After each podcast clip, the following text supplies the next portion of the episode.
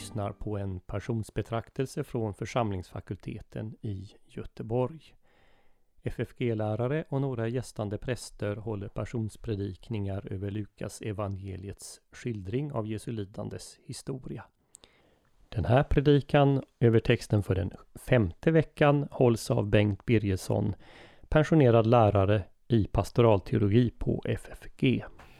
Himmelske Fader, du som inte skonat din egen son, utan för vår skull utgivit honom till döden på korset.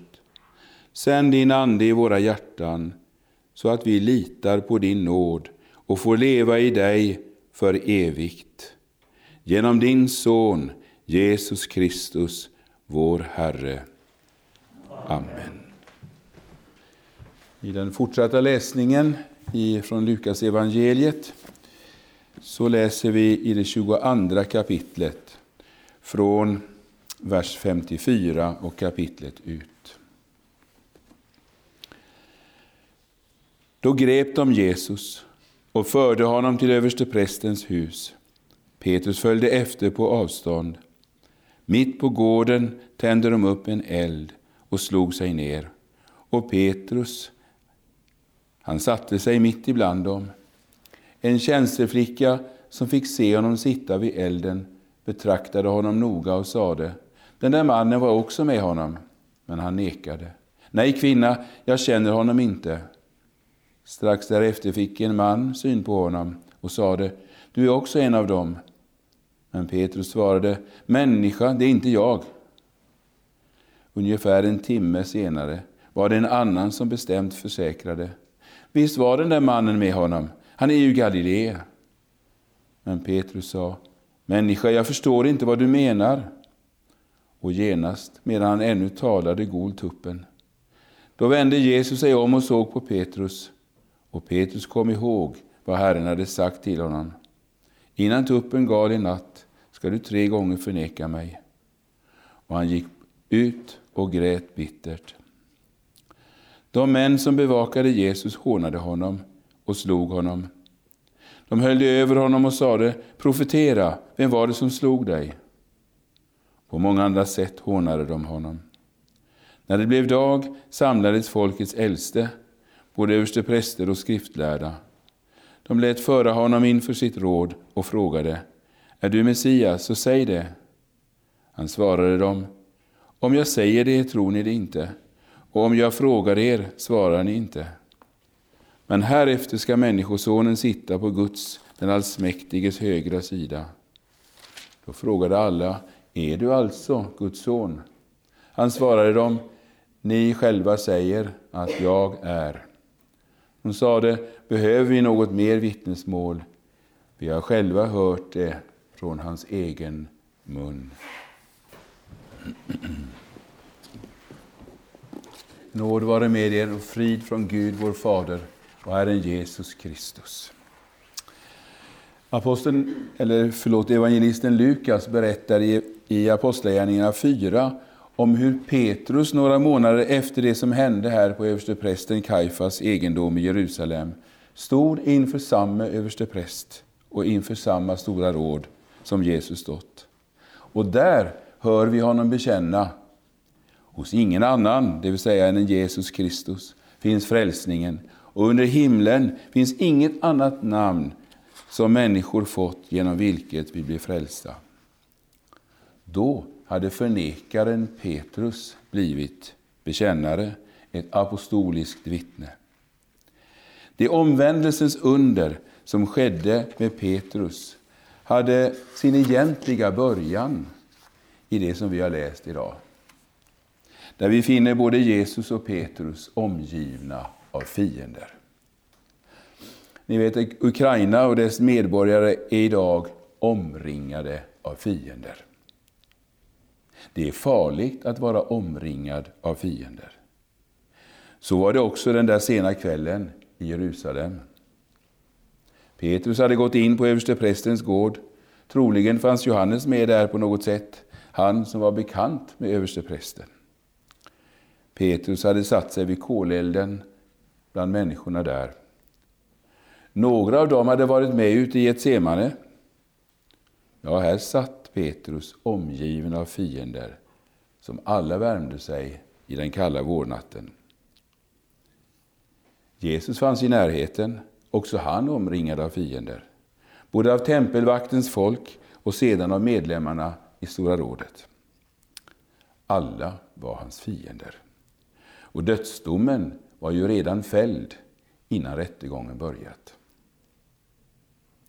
Är du medveten om att du också är omgiven av fiender? En fientlig här.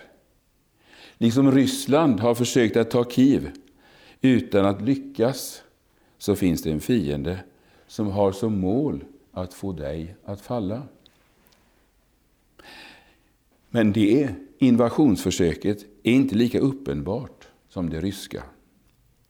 Det sker på en rad hemliga vägar, men det är mycket medvetet för att få dig att förlora tron och bli förd ut ur Guds rike.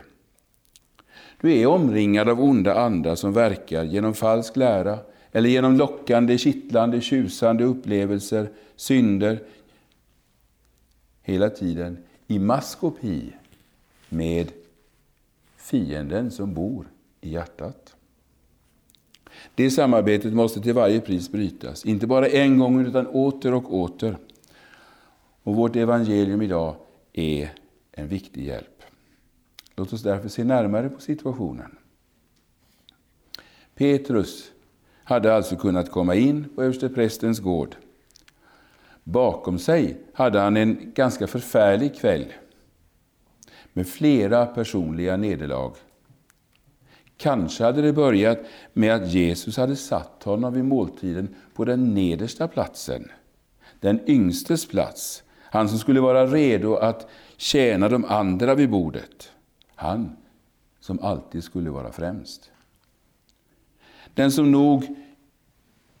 Eh, det var nog han som var den som skulle ha gjort det som Jesus sedan gjorde när han gick runt med ett linneduk och ett tvättfat och tvättade sina lärjungars fötter. Och naturligtvis så var Petrus där och började protestera. Men Jesus, om jag inte tvår dig så har du ingen del med mig. Inte hade han fått några glada uppmuntrande tillrop när han lovade att han inte skulle överge sin mästare.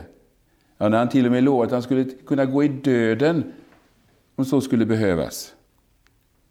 Tvärtom kom det en profetia från Jesus om ett nederlag, men också om en upprättelse. Där Petrus satt vid elden hade han glömt vad Jesus sagt. Men en timme senare skulle han komma ihåg. Ute i Getsemane hade det också gått galet. Han, som alla de andra, han hade somnat under Mästarens bönekamp, trots hans uppmaning att vaka med honom. När fienderna dök upp i mörkret med lampor och bloss och vapen, då drog han sitt svärd mot en av tempelvaktens tjänare. Kanske var det hans klumpiga hantering som gjorde att det bara blev örat som höggs av. Det vet jag inte. Men inte heller nu var mästaren med på noterna. Stick ditt svärd i skidan. Och därtill, vad gjorde han? Jo, han helade den där tjänarens öra. Han som senare fått, fått veta att han hette Malkus. Vilket väl antyder att han en dag fick öron att höra med. Trons öra till frälsning och blev känd i församlingen i Jerusalem som en troende. Tillbaka till kolelden. Det var alltså en kväll av förnedring och tillrättavisning för Petrus och därtill nu också hans mästare tillfångatagen. Själv sårad i sitt innersta tog Petrus nu den här saken i egna händer och följde på avstånd. Ville kanske visa sig modig, fastän han inte hade någon kallelse, något uppdrag att gå dit och in där. Där ute i Getsemane hade Jesus sagt, om det är mig ni söker så låt dessa gå. För Jesus visste, att det han skulle göra, det skulle han göra ensam. Här behövde han varken Petrus eller någon av de andra. Inne på översteprästens gård mötte Petrus nu sin svåra prövning och faller. Sargad av sina andliga nederlag på kvällen, svag men förlitande sig på sin egen förmåga att hantera situationen, placerar han sig mitt ibland Jesu fiender. Kolelden som också lyser, kolelden lyser på hans ansikte. Och så får han helt plötsligt se någon som stirrar på honom.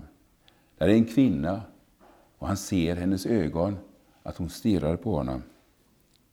Obehagligt. Och så kom det. Den där mannen var också med honom. Rädslan grep tag i Petrus. Eventuellt har han sett hur andra där borta på gården redan har börjat misshandla och håna sin mäst hans mästare. Och vad rädslan kan göra med oss. Den första förnekelsen är strax ett faktum, trots alla löften. Nej, kvinna, jag känner honom inte. Han som hade bekänt. Herre, till vem skulle vi gå? Du har det eviga livets ord. Bekänner nu att han inte känner sin mästare. Detta är evigt liv, att de känner mig, hade Jesus sagt i sin bön där några timmar tidigare. Nu avsade sig Petrus all kännedom om sin frälsare. Petrus hade tidigare fått lära sig de orden, den som bekänner mig inför människorna, honom ska jag också jag bekänna inför min fader. Men den som förnekar mig inför människorna ska också jag förneka inför min fader. Och så hade han, som skulle bli kyrkans apostoliske ledare, nu blivit en förnekare. Omgiven av fiender tvingade rädslan honom till ytterligare två förnekelser.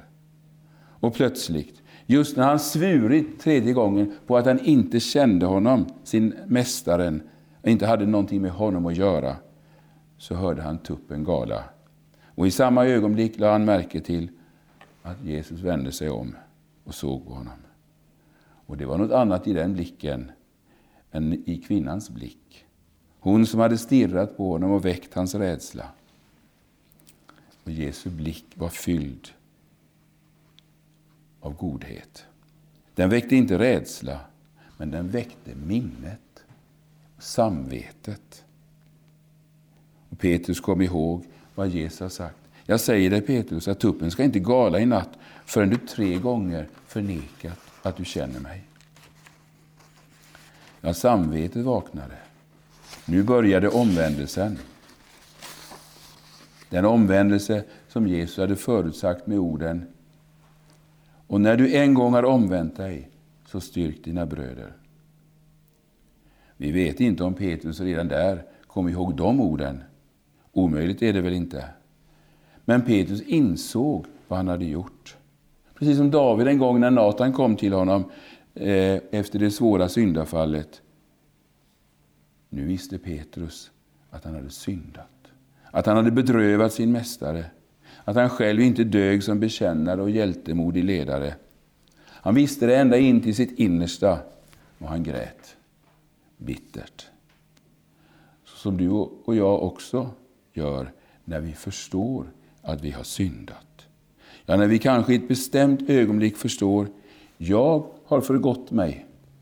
Jag har sårat mina trosyskon eller någon i min familj. Jag har bedrövat min Herre Jesus. Jag förnimmer att han ser på mig med sorgsen blick. Ja, jag kanske till och med känner det som att han ser på mig med vrede. Och ångesten griper mig. Såg Jesus på Petrus med vrede. Och med någonting av de orden, till exempel. Nu är det slut med dig Petrus. Bort med dig. Nej, på inget vis. Jesus visste vad han hade sagt. När du har omvänt dig, så styrk dina bröder.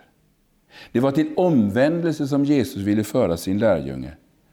Men först måste han komma till klarhet över sin egen oförmåga att följa sin mästare. Sin oduglighet att hålla löftena till sin Herre.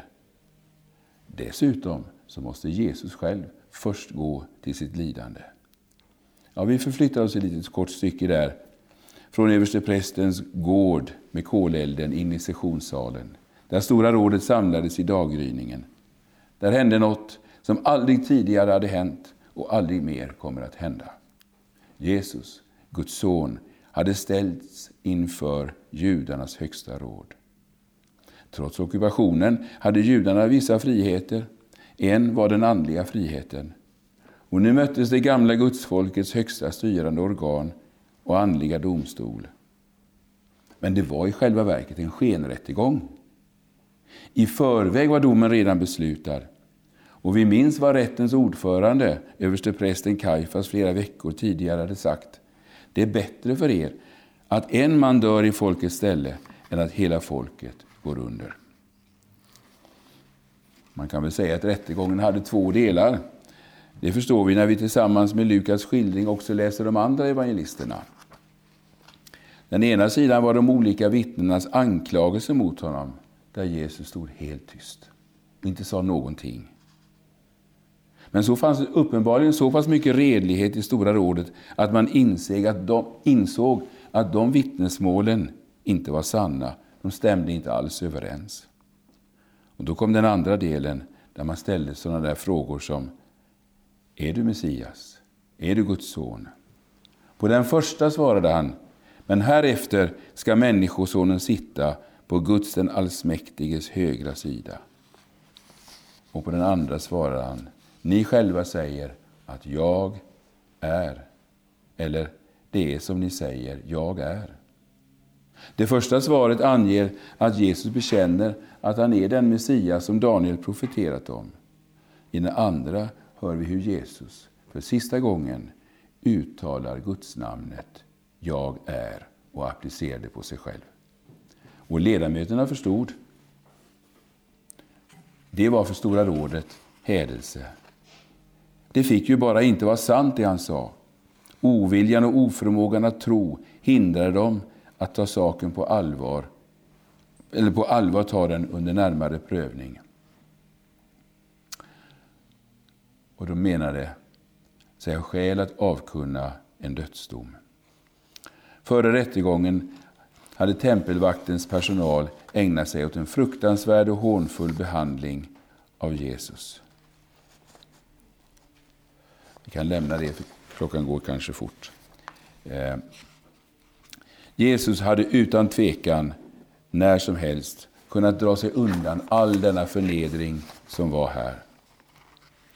Under detta lidande. Men hans kärlek till Petrus och till sitt folk, ja till hela världen, till dig och mig, drev honom att låta sig tas till fångas och föras hela vägen till Golgata. Han visste vad profeten Jesaja hade skrivit om honom. Straffet blev lagt på honom för att vi skulle få frid, och genom hans sår är vi helade. Vänner, eh, det finns ju en annan domstol, en rättfärdig domstol, inför vilken vi alla är inkallade. Det är den som öppnar när Människosonen sätter sig på sin härlighetstron. Och här gäller fullkomlig rättfärdighet, och bara det. Både för Petrus och Kaifas, liksom för dig och mig. Men det är som Paulus skriver och citerar från Saltaren, men ingen rättfärdig finns på den här jorden.